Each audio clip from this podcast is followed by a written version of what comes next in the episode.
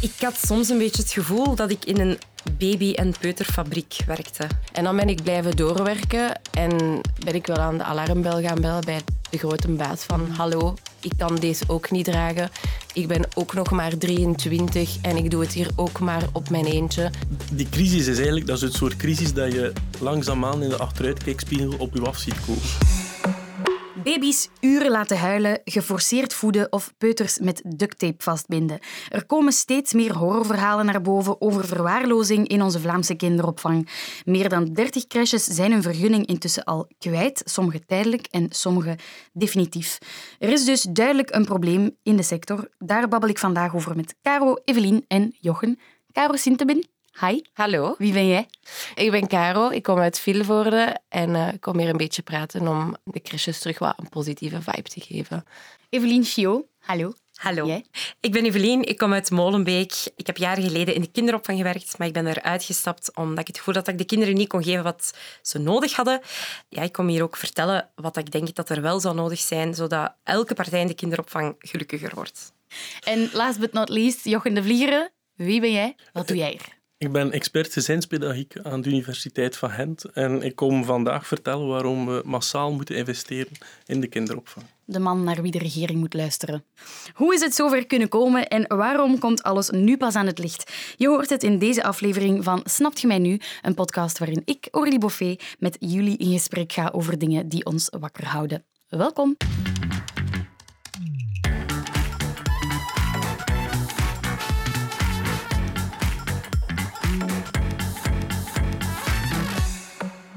We hebben heel wat eh, verontrustende getuigenissen gehoord de laatste weken. Enkele gingen over eh, mishandeling, maar dat is toch gelukkig de uitzondering. De meeste verhalen gaan toch over kindbegeleiders die te weinig handen, te weinig tijd en te weinig middelen hebben om hun job goed uit te voeren. Evelien, jij zat ook in die situatie jaren geleden. Ja, Wanneer ben je begonnen? ik ben gestart in 2008. Dus al heel lang geleden, voor het nieuwe decreet inging eigenlijk. Dus toen we nog in de luxe situatie zaten van zes à zeven kinderen per begeleider. En het was toen al heel heftig, vond ik. Toen al heel heftig. Wat bedoel je daarmee? Ja, ik had soms een beetje het gevoel dat ik in een baby- en peuterfabriek werkte.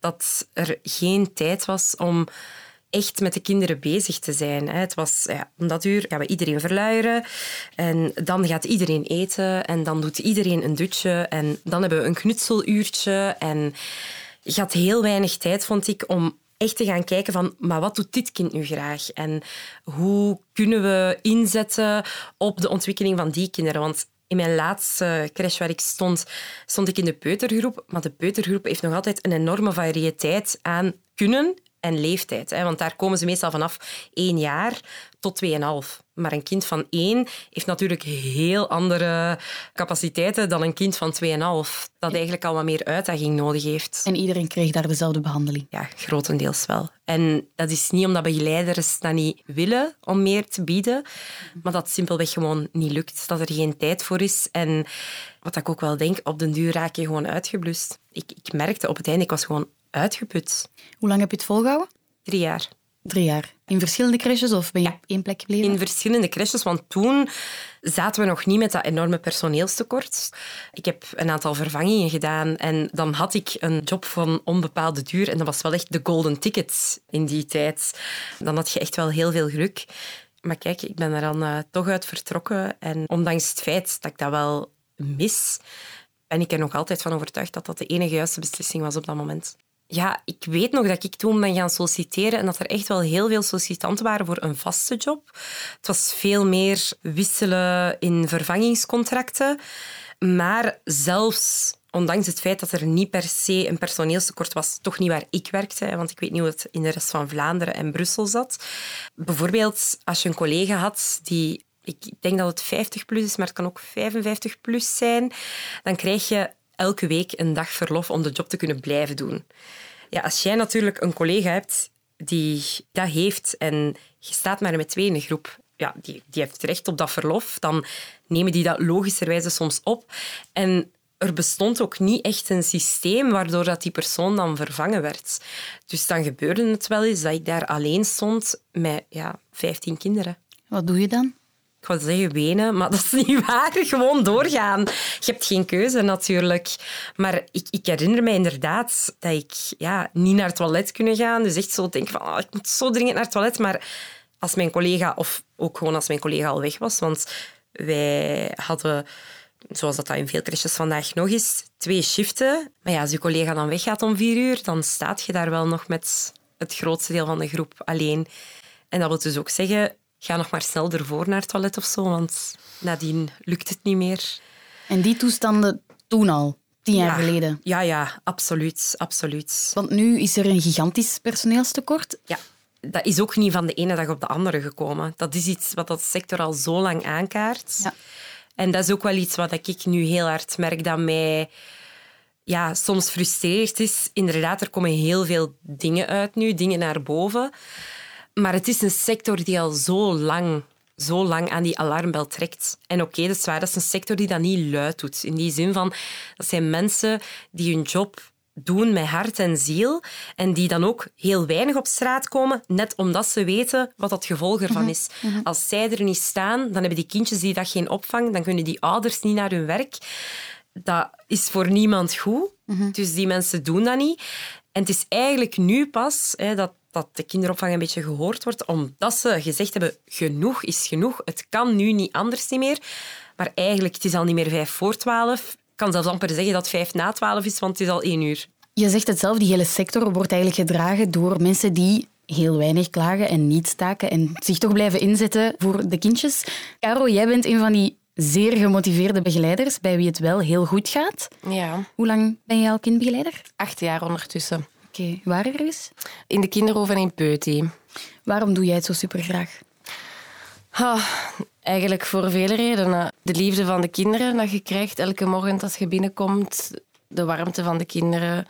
Voornamelijk gewoon de kinderen. En ik heb ook wel een heel leuk team waar ik ben ingevallen. En ik weet dat dat niet overal hetzelfde is. Maar ik mag echt mijn twee handjes kussen met zo'n team dat, dat wij hebben in eh, de crash. Ja. Herken jij de verhalen van Evelien? Zeker. Ja. Is dat bij jou ook zo? Nu niet meer, maar het is wel zo geweest. Vroeger jaren, als ik daar net begon te werken, merkte ik dat ook wel. Dat er dan zo wat meer frustraties waren. En ja, je werkt uit op elkaar en collega's vertrekken. Maar nu zitten wij echt op een goed team. We worden goed ondersteund. We hebben ondertussen ook een nieuwe baas die weet van aanpakken. Mhm. Dus nu is het minder, maar ik herken de verhalen zeker. Maar ik denk dat inderdaad dat we daar te weinig voor naar buiten zijn gekomen. Caro, hoeveel kinderen zijn er per kindbegeleider bij jou? Bij ons mogen we tot negen gaan, maar wij gaan nooit tot de negen, omdat wij weten dat dat ook gewoon niet haalbaar is voor ene persoon, negen kinderen. Dus bij ons varieert dat soms van dag tot dag. Je hebt drukkere dagen, je hebt minder drukkere dagen, dus soms zijn dat zes, zeven kindjes. Het kan wel eens voorvallen dat we er negen hebben, maar dan zetten we er altijd iemand extra bij. Dus ja. En dat zijn baby's, driejarigen door elkaar? Of? Nee, bij ons zijn het echt aparte groepjes. Dus we hebben een babygroep, een kruipergroep en uh, een peutergroep. Ja. Kruipergroep? zo grappig. Ja. En bij welke categorie heb je het meeste werk? Ik denk dat je bij elke categorie evenveel werk hebt, op een andere, manier. Ja. Wordt het jou soms ook te veel? Ben jij ooit uitgevallen in die acht jaar? Nee, maar wel bijna. Dat was, goh, ik weet niet meer wanneer, ik denk vijf jaar geleden. Dus ik werkte daar drie jaar toen werd er ook heel veel verwacht van ons en kregen we heel weinig appreciatie, zowel van ouders en zowel van bazen als overheid. Toen vielen collega's uit, terecht qua ziekte of vakantie, want dat was toen met de vakantieperiode. En dat was een moment dat ik daar bijna alleen stond voor gans de crash, met nog een andere collega die dan in een vervangingscontract had. Dus die wist nog niet hoe dat alles juist werkte. En ik dacht van, ofwel ben ik nu heel stout en laat ik me ook thuis zetten, ofwel red ik de crash en blijf ik gewoon op mijn tanden bijten. En doe ik het voor die kinderen en die ouders, die dat er eigenlijk ook niks aan kunnen doen. En dan ben ik blijven doorwerken en ben ik wel aan de alarmbel gaan bellen bij de grote baas van mm. hallo, ik kan deze ook niet dragen. Ik ben ook nog maar 23 en ik doe het hier ook maar op mijn eentje. En toen zijn er wel collega's bijgekomen. En heb je het gevoel dat het nu erger is dan vroeger? Want nu komen er zoveel verhalen naar boven, maar...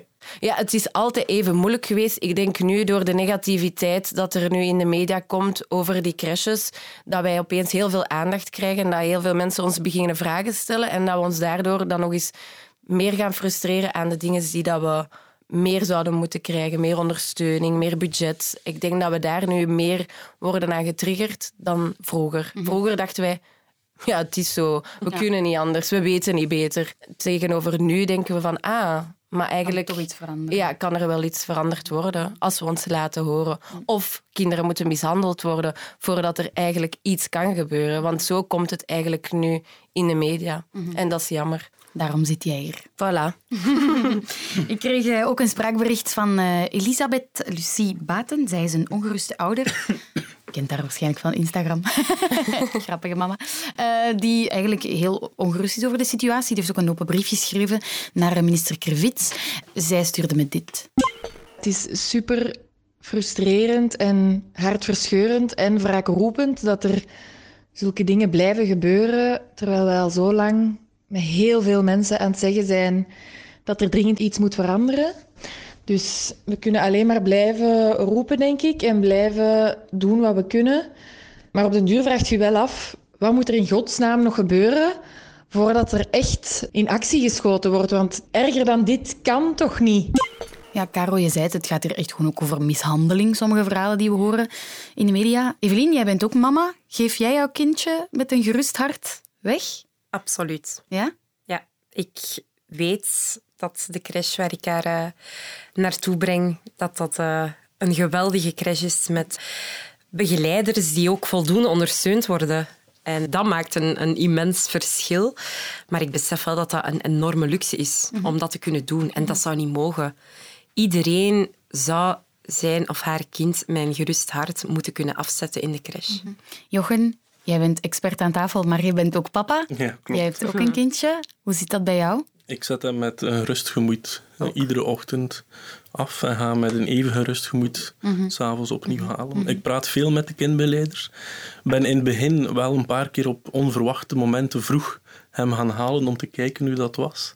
En dat was zeer geruststellend. Dus, ja. Hebben jullie nu meer wantrouwen naar de begeleiders toe? Of, of, steunen jullie ze nu extra hard? Hoe gaan jullie daarmee om tegenover de begeleiders? Ik steun die onnoemelijk hard. Ik vraag eh, zeer vaak hoe dat is met hen. Mhm. In de week van de kindbegeleider ben ik de maandagochtend met de cadeaus in hand naar de crash om de kindbegeleiders een geschenk te geven. Dus ik steun die en herken hoe moeilijk het soms wel is mhm. voor hen.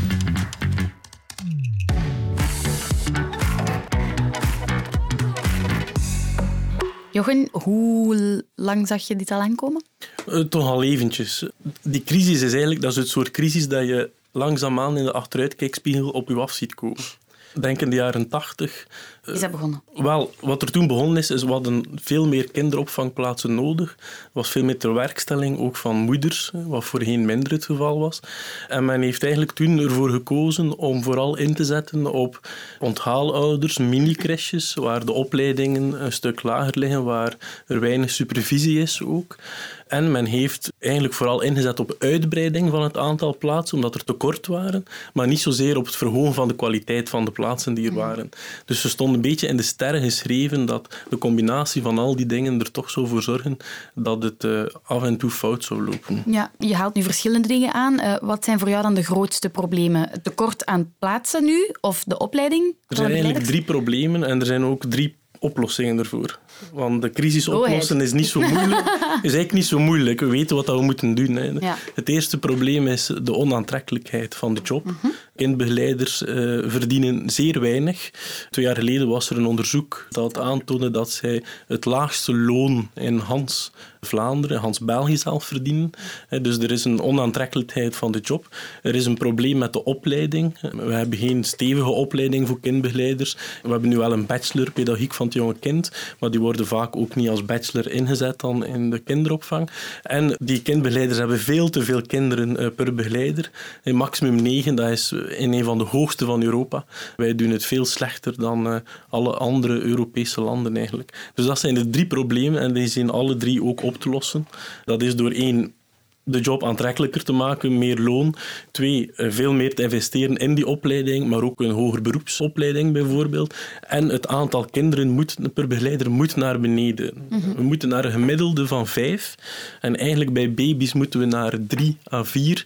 En dan bij eh, alles boven de één jaar, één jaar en een half kunnen we wel naar zes kinderen gaan. En dan zitten we ongeveer op vijf kinderen per begeleider. Daar is al onderzoek naar gedaan? Ja, we weten dat, we daar naartoe moeten. Want een van de maatregelen van de overheid is nu, ze zeggen dat ze onderzoek gaan voeren naar de effecten van het kindratio, dus het aantal kinderen per begeleider, naar beneden halen. Maar daar is al onderzoek naar, zeg je mij. Er is onnoemelijk veel onderzoek naar. We weten perfect wat we moeten doen. We moeten naar een gemiddelde van vijf kinderen. Alleen kost het ons ongeveer tussen de 80 en de 100 miljoen euro om één kind minder per begeleider op te vangen. Eén kind Dus we moeten van 9 naar 5. Dat is ongeveer 400 miljoen euro per jaar. Mhm. Alleen al om de, het aantal kinderen per begeleider naar 5 te brengen.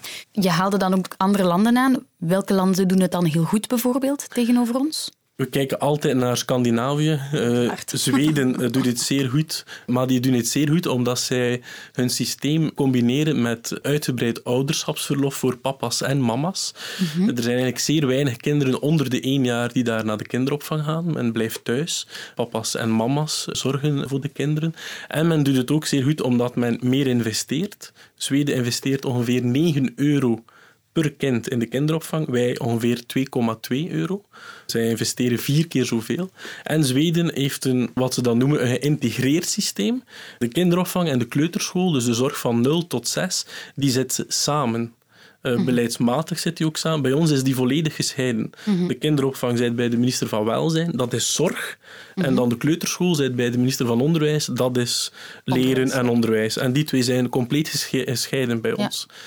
In andere landen, bijvoorbeeld Zweden, die een soort hitsland is, is dat helemaal niet het geval. Want hoe ligt het kindratio daar in Zweden? Hebben die evenveel kinderen per begeleider? Nee, nee die is verschillend van baby's mhm. en dan wat oudere kinderen. Die ligt op 1 op 3, 1 op 4 bij de kleinste en gaat dan een klein beetje naar omhoog. Ook in Nederland trouwens ligt die op 1 op 3 bij de baby's. Mhm. Maar in Wallonië ligt die ook op 1 op 7 en niet op 1 op 9. Dus we moeten niet zo ver kijken om te zien uh, hoe slecht wij het daar doen. En is het daar beter in Wallonië? Wel, de kwaliteit zelf, dat weet ik. Wij hebben die mm. daar niet gemeten, uh, maar men heeft wel minder kinderen per begeleider. Ja. Dus ik kan ervan uitgaan dat dat alvast iets positiefs ja. is. Ja, ja. Hoeveel ouderschapsverlof hebben ze in Zweden? Het zit ongeveer om en bij het jaar. En men verspreidt het... Voor allebei? Wel, er zijn verschillende manieren om dat te doen. Uh, er zijn landen die bijvoorbeeld zeggen, je hebt elk vijf, IJsland bijvoorbeeld doet dat, je hebt elk vijf maanden ouderschapsverlof. Vijf maanden voor de papa, vijf maanden voor de mama en twee maanden voor de familie. Eh, dus voor papa en mama. Mhm. We zien wel dat die twee maanden vaak door de mama worden opgenomen, dat de papa toch gaat werken. Maar dus, er zijn verschillende systemen om vooral te vermijden dat vooral de mama is die moet mhm. thuis blijven. Dus je moet een soort van uh, stimulans hebben om die papa ook te engageren. Niet omdat hij dat niet wil, maar vaak omdat als die thuis blijft, hij nog altijd het hoogste inkomen heeft. We zien dat in alle studies. En dus men het meeste inkomen zou verliezen. Mm dus je moet dat inkomen een beetje gelijk trekken dan. Je moet zorgen dat er geen financieel eh, verlies is. Ja. Je zei dat de meeste kinderen dan niet voor één jaar naar de crash gaan. Is dat een oplossing? Is dat een goede zaak? Weet je dat? Wel, een oplossing. Er moet iets anders zijn voor die kinderen dan. Want kinderen hebben andere kinderen nodig voor een sociale, emotionele ontwikkeling. Dus men zet enorm in op ontmoetingsplaatsen voor kinderen en ouders. Want één jaar volledig thuis is dan ook geen prima oplossing, pedagogisch nee, nee. gezien. We zien eigenlijk dat kinderen die in interactie treden met andere kinderen, dat die op sociaal vlak hmm. eh, ja, grote stappen maken. Dus je hebt wel uh, die sociale interactie met anderen en met andere ouders ook nodig. Ja. Evelien? Ik, ik vind dat het een keuze moet blijven. Want er wordt wel eens gepleit voor ja, maar laat ouders sowieso tot een jaar thuis blijven en hun kind tot een jaar thuis houden. Daar ben ik het niet mee eens. Ik denk niet dat iedereen daarvoor gemaakt is. Dat iedereen dat kan. En dat dat misschien ook gewoon niet in elke... Hmm. Allez, voor elke persoon de, de geschikte optie is. En dan vind ik ook ja, om een kind thuis te houden als je merkt van oei, voor deze ouders die voelen zich er niet goed bij, dan doe je daar volgens mij dat kind ook geen plezier mee. Caro, jij bent in verwachting? Ja, klopt. Hoe ga jij het doen? Is dat drie maanden zwangerschapsverlof? Ja, drie maanden zwangerschapsverlof en dan ga ik terugwerken. En dan neem ik de baby mee. Naar jouw eigen crash? Ja, zeker. Niet omdat ik daar zelf zit. Zelf zou ik gewoon ook zo voor die crash kiezen. Mhm. Vind jij dat genoeg, een drie maanden zwangerschapsverlof? Voor mij persoonlijk wel, want ik ben geen thuiszitter. Ik ben ook nog nooit thuis, zo lang thuis moeten blijven met een baby. Dus ik kan nog anders praten achteraf. Maar uh, ik heb direct gezegd, drie maanden is voor mij oké. Maar ik kan wel snappen dat dat voor sommigen te weinig is. Want bijvoorbeeld zelfstandigen, wij hebben bij ons in de crash hebben wij zelfstandige mama's. Hm. En die kindjes komen op twee maanden al naar mhm. het kinderdagverblijf, wat heel jong is. En ik denk dat dat voor die mama's ook heel emotioneel is. Maar die kunnen niet anders. Mhm. En dat is ook wel jammer. Jochen, ik zie jou verbaasd kijken. Nee, niet verbaasd. We weten, die mensen kunnen ook niet anders. Eh, mhm. Dus daarom is de kinderopvang ook belangrijk. Zodat mensen kunnen gaan werken, een opleiding kunnen eh, volbrengen en zo. Maar er is wel wat twijfel over de ideale leeftijd om kinderen naar de kinderopvang te sturen. Mhm. Eh, er is een nieuw onderzoek deze week van een Nederlandse collega, Paul Lezeman. Die heeft longitudinaal onderzoek gedaan, dus kinderen gevolgd van 0 tot 12 jaar. En zijn conclusie is dat bij kinderen onder de 1 jaar, 1,5 jaar, dat we die positieve effecten van de kinderopvang, dat die daar niet zo heel zichtbaar zijn. Dus de vraag is of we dan niet moeten inzetten op manieren om ook kinderen, vooral bij intensief gebruik, bij meer dan 30 uur per week ging het dan over.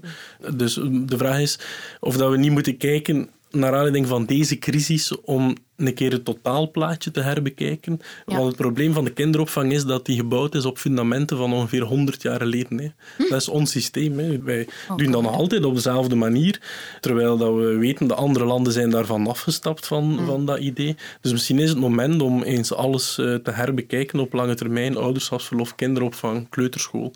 En iets te durven doen. Waarom is dat zo moeilijk bij ons?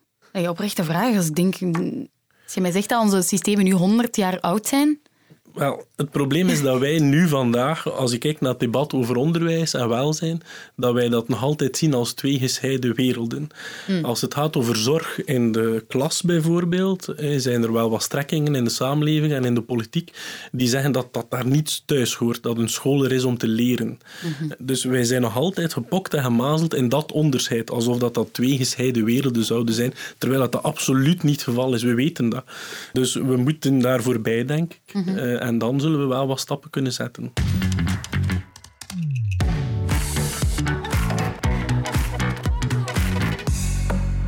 Caro Evelien, was er was bij jou en is er bij jou, Caro, ruimte om iets meer dan zorg toe te dienen aan de kinderen?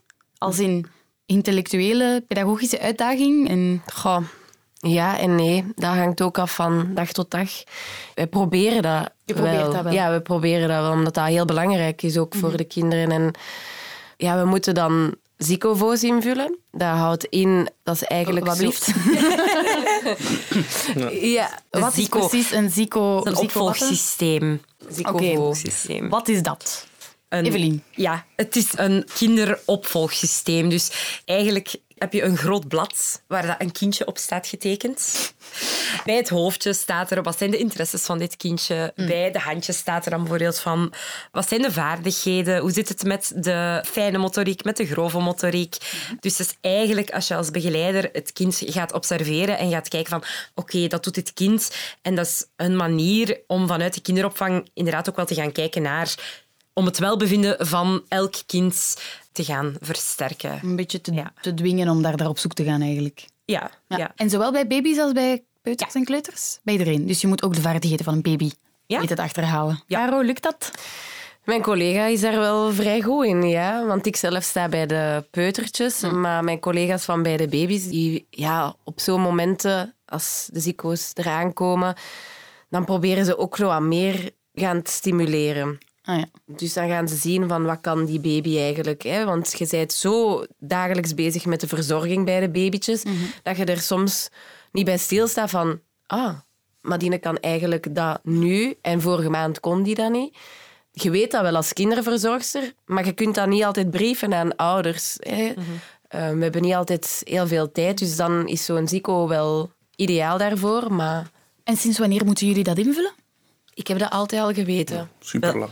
Ik spreek over uh, 13 jaar. Ah, ik ben begonnen 13 jaar geleden in de kinderopvang. Dus uh, het gebeurde dan al. Dus. Ik heb op een gegeven moment in 2008 een ondernemersopleiding gevolgd bij Sintra, verantwoordelijke in de kinderopvang. En sorry aan de mensen die dat gaven, maar dat was belachelijk. Dat was mm. onverantwoord. Ik was al de enige die daarin zat met enige achtergrond in de sector, want ik werkte op dat moment in het onderwijs als kinderbegeleider. Maar de inhoud van die opleiding dat kwam totaal niet tegemoet aan wat je nodig had om een kinderdagverblijf te leiden. Zelfs om in de kinderopvang te werken. En ik weet dat, dat ik toen ook heel hard zoiets had van wow, waar zijn we mee bezig? Mhm. En je vroeg net van, van, zetten jullie dan ook in op pedagogische zaken? Maar als ik nu terugkijk op hoe dat ik in de kinderopvang gestart ben, mhm. ik had die achtergrond helemaal niet. Ik heb dat totaal niet meegekregen. En het is pas daarna en tijdens dat ik mij ben beginnen inlezen, mhm. omdat het mij zo interesseerde. En dat is ook de reden waarom dat ik op een gegeven moment besefte, ik kan dit niet doen, want dit is niet hoe het hoort te zijn. En durfde jij toen daar tegenin te gaan? Nee. Ik voelde al van bij het begin, hier zit iets niet goed, dit voelt voor mij niet goed, maar ik wist niet wat. Mhm. En al mijn collega's zeiden zo dingen van nee, nee, laat die baby maar huilen, want ze moeten het leren. En ik dacht dan, ik ben hier gewoon te emotioneel voor. Of ik, ik allez, dit ligt aan mij. Maar nee, ik durfde daar niet op ingaan, want ja, ik, ik was 19, 20 jaar. Ik stond tussen een hoop mensen met veel meer jaren ervaring. Wat ga ik daar dan gaan zeggen? Nee, ik vind dat we onze job anders moeten doen.